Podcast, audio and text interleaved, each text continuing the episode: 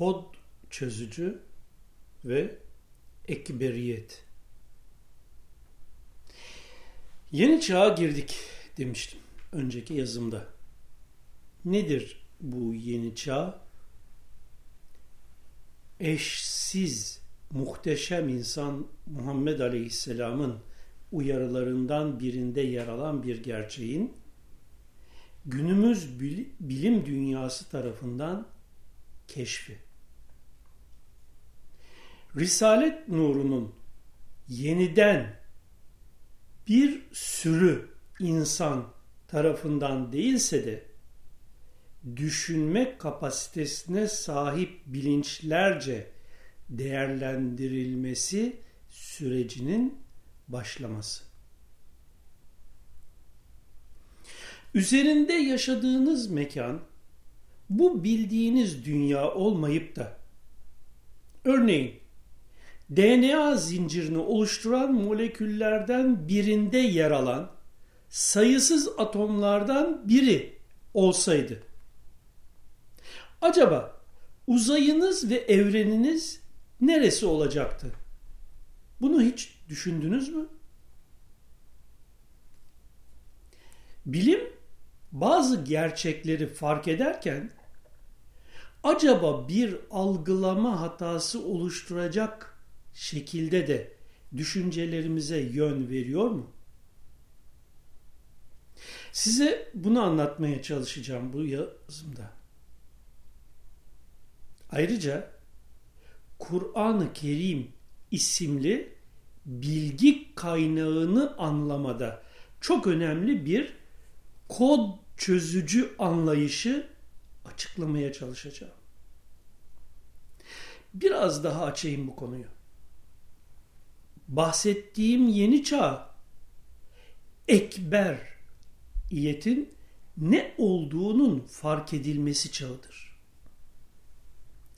İnsanların hayallerinde yaratılmış Tanrı kavramının boş bir zan olduğunun kavranılması. Tanrı bilimci, ilahiyatçı ve din adamlarının halkı şartlandırdığı şekilde yukarıda, gökte, yanına gidilecek ya da belirli zamanlarda huzuruna çıkılacak bir Tanrı'nın var olmayıp yalnızca ekber olan ve Allah adıyla işaret edilenin söz konusu olduğu gerçeğinin fark edilme çağıdır bu yeni çağ. Bilim aklı başında insanlara bu realitenin yolunu açmaktadır. Deccaliyet insanları ötelerde bir tanrı anlayışına sürüklerken her türlü yayınla Deccal'ın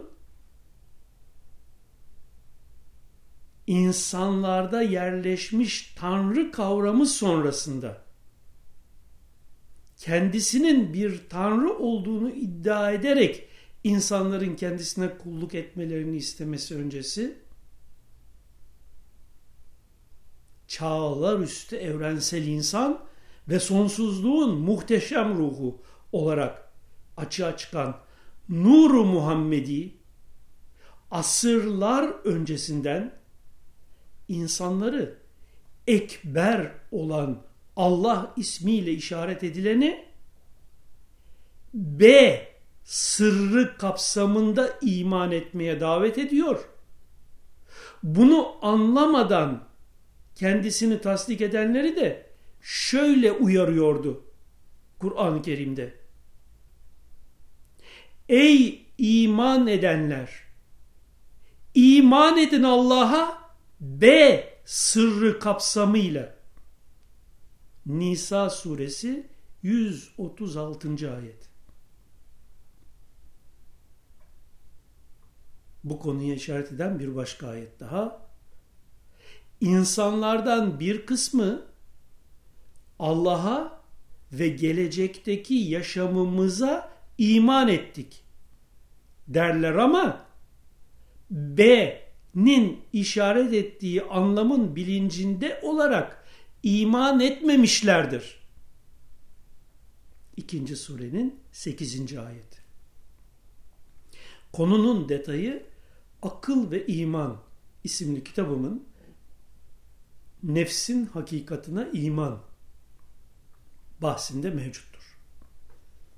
Şimdi önce ruh konusundaki yetersiz bir yoruma dayalı olarak sürdürülen yanlış bir yönlendirmeyi düzeltip sonra da ben hakkım anlayışının nasıl oluştuğundan kısaca söz etmek istiyorum. Ondan sonra da ana konumuz ekberiyet gerçeğine gelecek sıra. Hani Bektaşi'ye sormuşlar niye namaz kılmazsın diye de cevap vermiş. Duydum ki namaza yaklaşmayın yazıyormuş Kur'an'da. Baba demişler. O ayetin başında sarhoşken kelimesi var. İmanım benim o kadar okumam yoktur. İlmim bu kadardır. Onu uygularım. Demiş baba. Ruh konusunda konuşmayı yasaklayanlar da bu Bektaşi babası gibiler. Olayın neden, nasıl kaynaklandığını, o ayetin kimlere hitap ettiğini insanlardan saklayıp sadece son kısmını söyleyerek konuyu çarpıtıyorlar. Ayrıca bu konuda açıklama yapmış zevatı da suçlayarak kendi cehaletlerini örtmeye çalışıyorlar. Kısaca olayı özetleyelim. Üç Yahudi alimi aralarında anlaşırlar ve Hz. Muhammed Aleyhisselam'ı imtihan amacıyla ona ruh konusu dahil üç soru sormaya karar verirler. Derler ki birbirlerine bugüne kadar ruh konusunda hiçbir kimse bilgi vermemiştir. Eğer o bu konuda açıklama yaparsa biliriz ki yalancıdır. Bundan sonra gelirler ve sorularını sorarlar. Ruhun ne olduğunu soran Yahudi alimlerine şu ayetle cevap gelir ertesi gün. Sana o Yahudi alimleri ruhun ne olduğunu sordular. De ki onlara ruh Rabbimin emridir. Onlara ruh ilminden az bir şey verilmiştir. Yeselûneke anil ruh. Kulir ruhu min emri Rabbi. 17'ye 85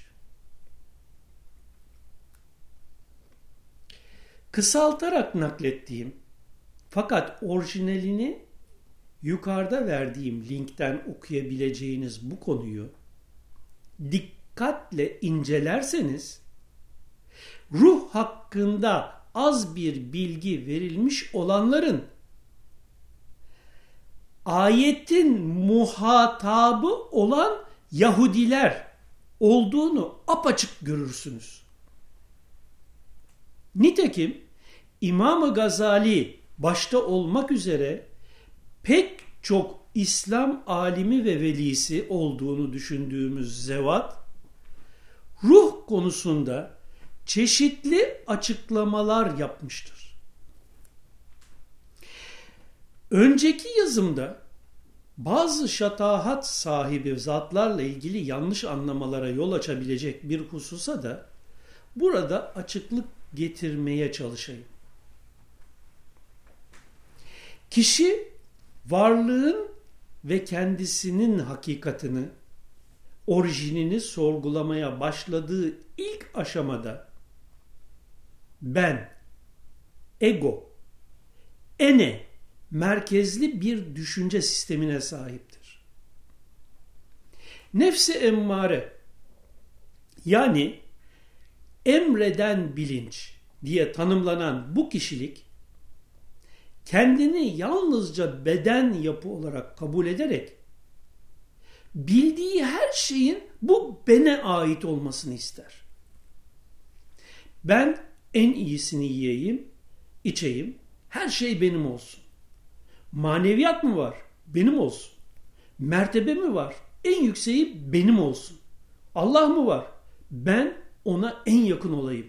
Türünden benliğine yönelik sahip olma istekleri hep düşüncesindedir.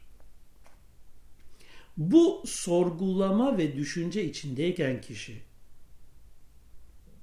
öğrendikleri ve yaptığı çalışmalar sonucu oluşan gelişmeyle yavaş yavaş fark etmeye başlar ki ben dediği varlık gerçekte yalnızca o diye düşündüğü varlığın tasarrufundadır.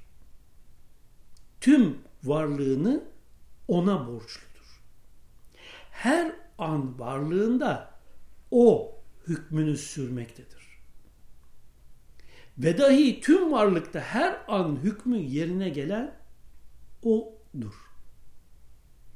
İşte bu anlayışa gelince kendini hala ondan ayrı olarak var sanmaktan dolayı eleştirmeye yani kendi kendine levm etmeye başlar.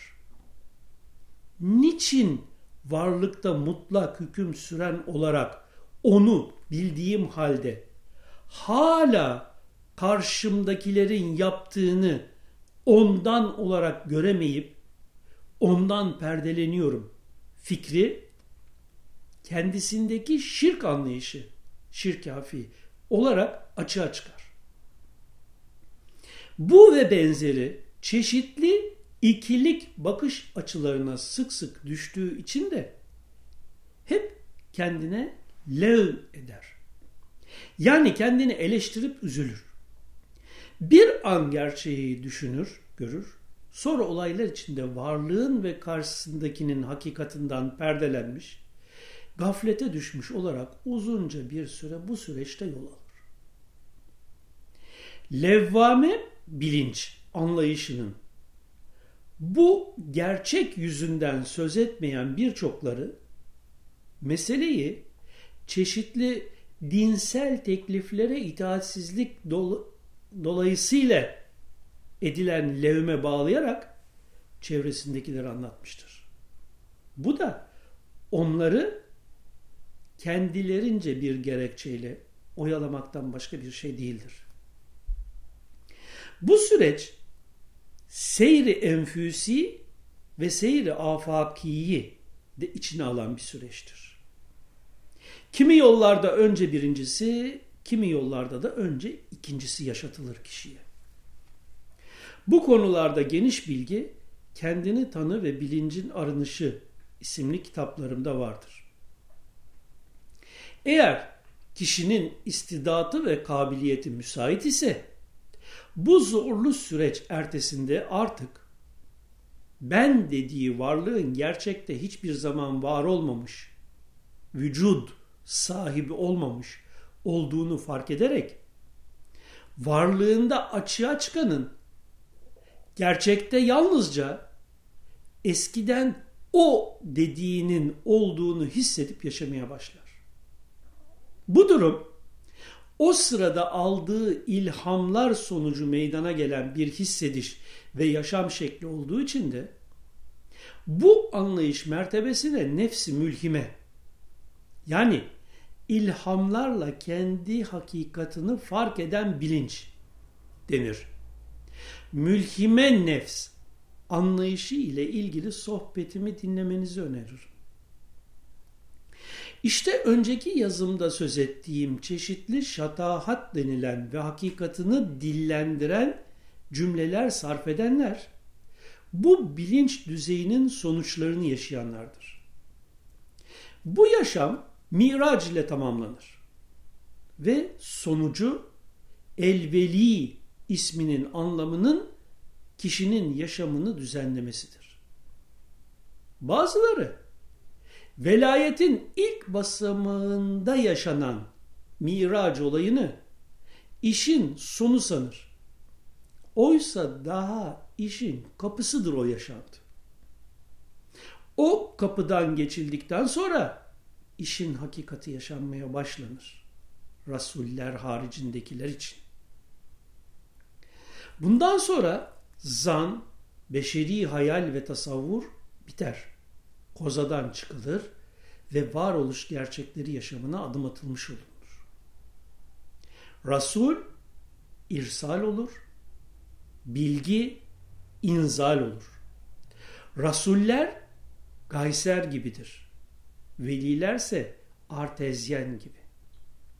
Akıl ve iman kitabımda bu konuda detaylı bilgiler var. Artık bu mertebede kişide açığa çıkan yaşantı mutlak istikrarlı bir seyir halidir ki o hakkın nuru ile algılar essemi her şeyi. O yüzden de bu bilinç mutmain olmuş, dolayısıyla her an rıza mertebesiyle yaşamakta olandır. Burada söz edilen rıza da elbette genelde anlaşılan hoş olmayan şeylere dahi rıza göstermek anlamında değildir. Bu yaşayanların bileceği bir haldir. Ana konumuz olan ekberiyet sırrı ise bunların çok ötesindedir. Ekberiyet sırrının kişide açılımının sonucu daimi haşyettir. Bunun taklidi sayılacak ilmel yakini mülhime bilinç kavrayışının sonunda olur. Tahkiki ise mardiye bilinç yaşantısıdır. Elveli isminin işaret ettiği anlamlardan bir anlamın kişinin fıtratına göre açığa çıkışından sonra korkulacak veya hüzün duyulacak bir şey kalmaz o yaşam algılaması içinde. Ama haşiyet kapısı ebeden Kul ebeden kuldur. Kesinlikle kul Allah olmaz. Hangi mertebede olursa olsun. Bunun aksi bir anlayış tümden cehalettir. Esasen mertebeler de neyse ileriye gitmeyelim. Burada fark edilmesi gereken önemli bir incelik de şudur. Huşunun nedeni rububiyet gerçeği değil, ekberiyet nurlarının kişiye açılmaya başlamasıdır.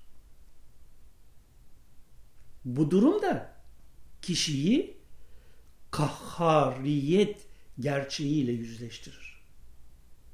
Sonuç ahadiyet sıfatının bilinçte açığa çıkışıdır.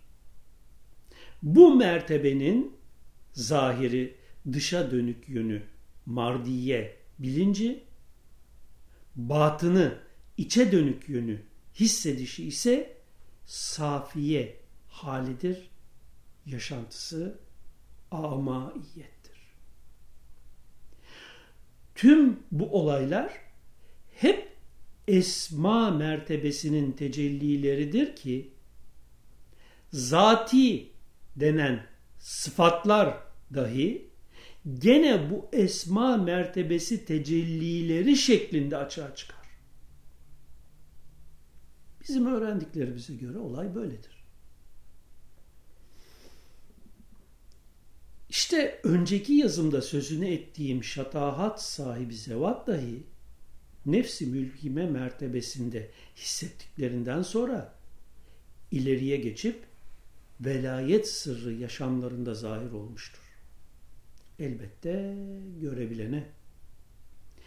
Sırası gelmişken ekleme yapayım bu konuya. geçmişteki değerli zatların hangi cümleyi veya şiiri hangi aşamada söylediklerine, yazdıklarının sıralamasına çok dikkat etmek, olayın seyrini anlamak ve düşünsel gelişmeleri hakkıyla tespit açısından çok önemlidir. Bu konuya da böylece kısaca açıklık getirdikten sonra gelelim yazımızın başında değindiğimiz hususa. İnsanları dünyada et kemik beden kabul eden, yukarıda Tanrı var anlayışıyla zindanda yaşatmaya çalışan deccaliyet düşüncesine karşılık gelelim Allah adıyla işaret edilenin ekberiyetine adım adım yönelen bilim dünyasının keşiflerine. Daha önce de vermiş olduğum bu linkteki Powers of Ten görüntülerini umarım seyretmişsinizdir. Eğer seyretme imkanınız olmadıysa yukarıdaki linki tıklayarak şimdi seyredin anlatacağım olayı net bir şekilde fark etmeniz için. Evrenin ve algıladığımız varlığın derinliklerine inişin seyrini 80'li yıllar ve sonrasında üst madde isimli sesli ve Allah'ı tanıyalım 2 isimli video sohbetlerimde anlatmıştım. Ayrıca daha sonra yazdığım Tekin Seyri kitabında bu konudaki açıklarım, açıklamalarım da okunabilir. Şimdilerde ise bu olay çeşitli görüntüler eşliğinde yeniden gündeme oturdu. Bilimsel düşünmeye çalışanlar katında. İncelemede önce dünya üzerinden yükselerek galaksi içinde dünyanın yerini fark ediyoruz. Sonra yüz milyarlarca yıldız ihtiva eden lokal galaksiler topluluğunu seyrediyoruz. Ve nihayet milyarlarla galaksi ihtiva eden evrende bizim birkaç yüz milyar yıldızdan oluşan galaksimizin bir iğne ucu kadar dahi yer kaplamadığını fark ediyoruz. Ve dahi böylece kafamızda yarattığımız yukarıda bir tanrı var balonu patlıyor. Elbette bu kabule dayalı tüm öğreti de iflas ediyor. Bu defa otomatikman olayı sorgulamak ve gerçekçi bir şekilde düşünmek zorunda kalıyoruz. Kimi konularıyla geldiği çağın toplumunun sorularına cevap veren, kimi yönüyle insanlık yaşadıkça insanlığın sorunlarının cevabını veren, kimi işaretleriyle de bir kısım insanların sonsuza dek soru ve sorunlarına, yaşamına nur olan Kur'an isimli gerçek bilgi kaynağı acaba bize neleri anlatmak istiyor? Allahu Ekber sözü neye işaret etmektedir? Bu tanımlama acaba hangi gerçeğin dile gelen sözcüğüdür?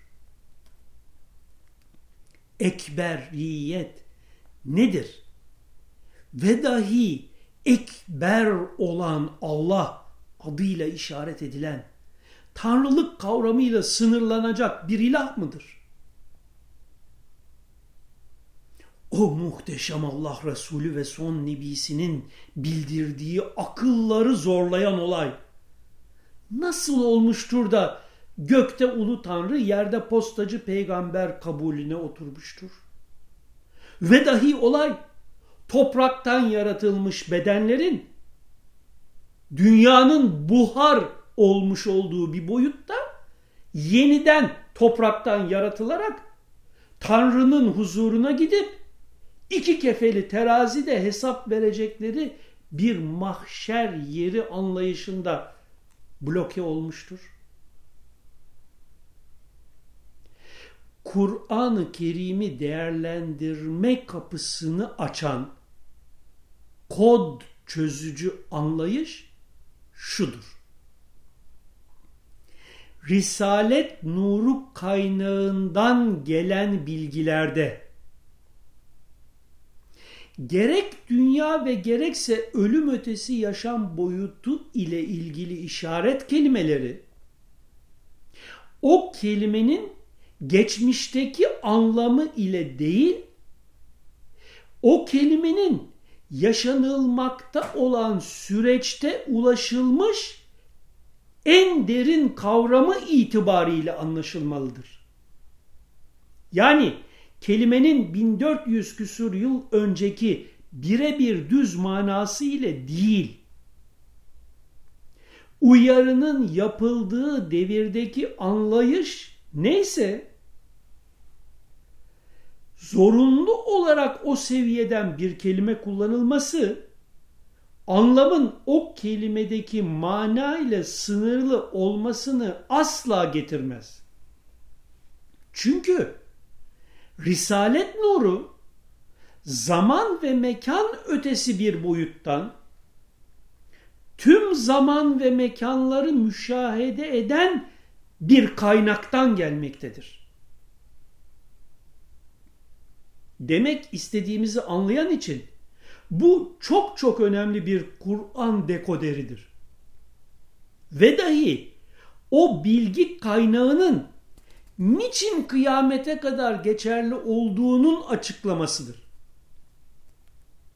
İşte bu anlayış, bu anahtar Kur'an dinamiğidir. Toprak deniyorsa atomik boyut. Kan pıhtısından söz ediliyorsa en azından DNA katmanını düşünmek gibi. Zira topraktan karılarak yaratılmış tek bir insan mevcut değildir dünyada. Dahi toprağı karacak iki elli bir tanrıdan asla söz edilemez. Hücre yapı dahi Kur'an isimli bilgi kaynağında balçık benzetmesiyle anlatılmıştır. İhtiva ettiği mineraller ve su dolayısıyla. İblisin Adem'in yaratılışında kullandığı tîn kelimesi bildiğimiz toprağın hokus pokusla insana dönüşmesini değil, insanın bedeninin toprakta bulunan mineralleri ihtiva etmesi dolayısıyla maddeye bağımlı yaşama sürecinde bir varlık olduğunu vurgulamaktadır.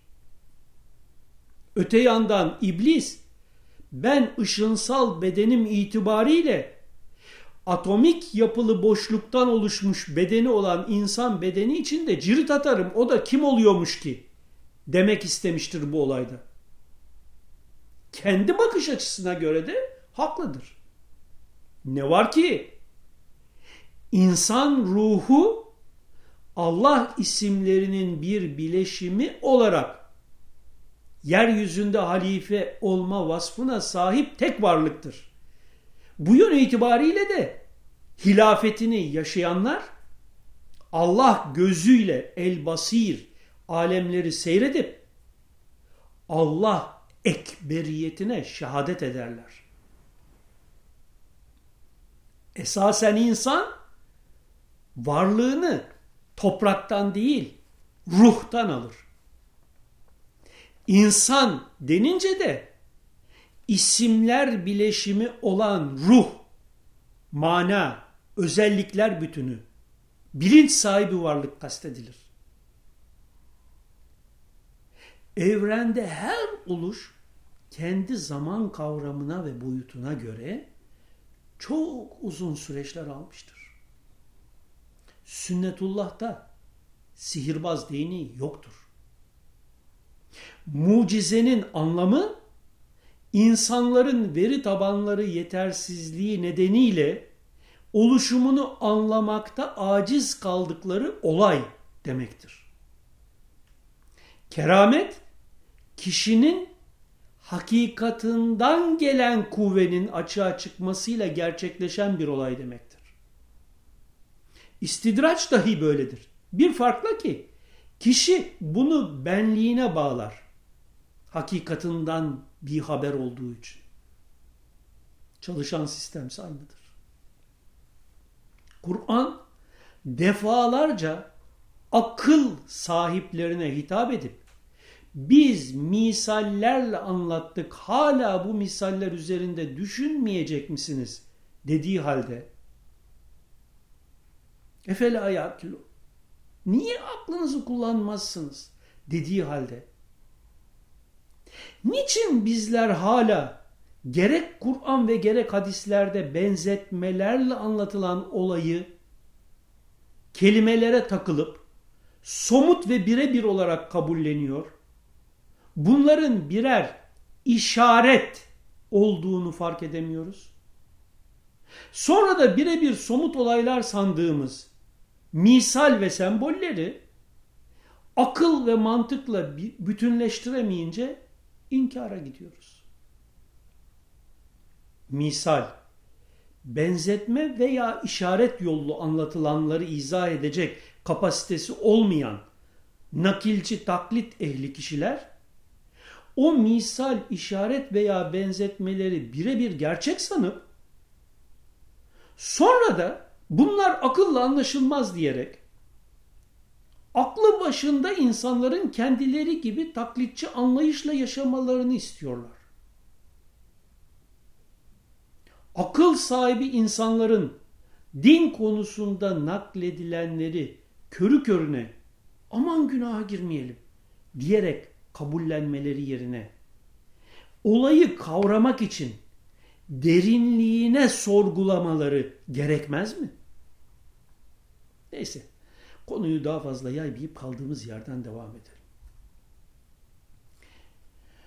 Gözün görme sınırlarına göre geliştirilmiş cihazlarla görmekteyiz ki bir yanda yatay, katman içi bakışla uzay ve evren. Öte yanda da dikey katmanlar halinde algıladığımız varlığın katmanları.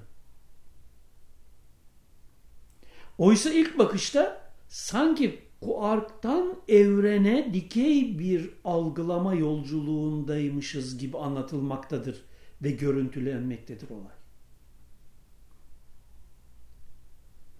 Çeşitli işlevler gören çeşitli organlarımız topluca insan bedenini meydana getirirken bedeni oluşturan organlar ise bir alt katmanda trilyonlarca hücreden oluşmaktadır.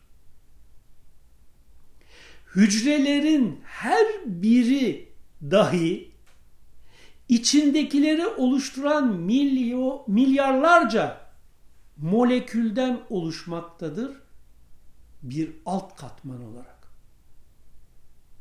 Molekülleri meydana getiren atomların bir alt katmanında ise kuarklar okyanusu yer almaktadır. Bu katman sema itibariyle de evren bir kuark okyanusudur algılayıcısına göre. Nihayet bir mana okyanusu sonsuz, sınırsız bize göre. Esma mertebesi denmiş.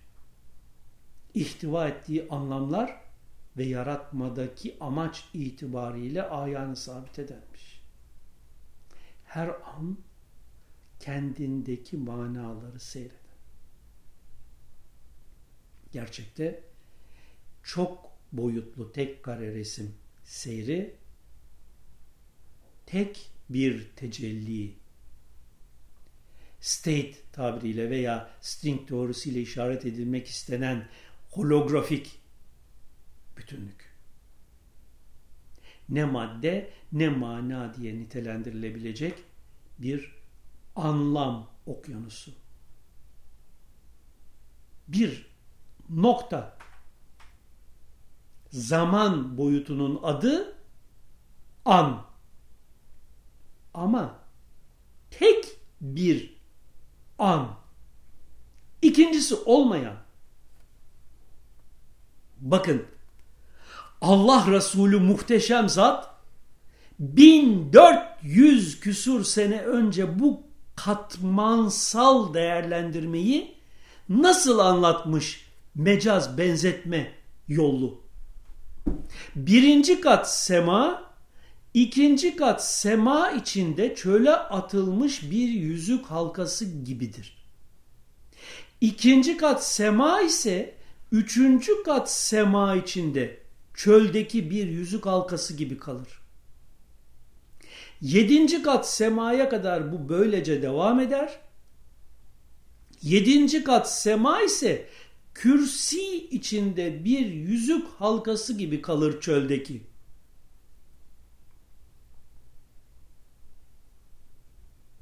Kürsi ve sema kelimeleriyle işaret edilen katları afaka, göğe, uzaya dönük olarak değil, varlığın orijinine noktaya doğru katmanlar olarak değerlendirin.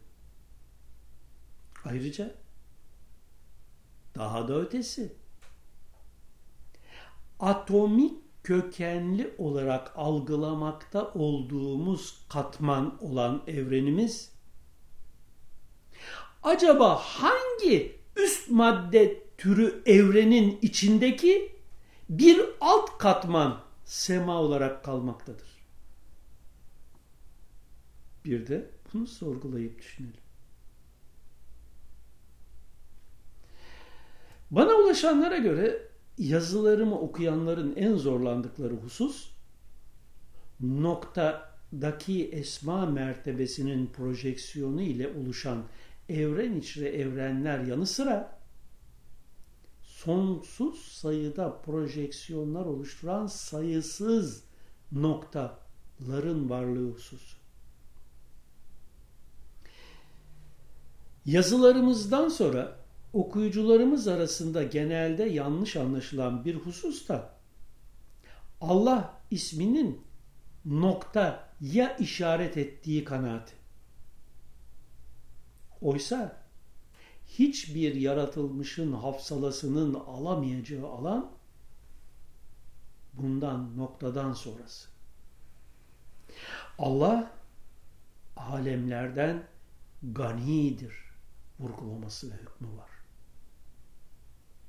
Allah adıyla işaret edilenin algılanabilen hiçbir şey ile kayıtlanamayacağı yanı sıra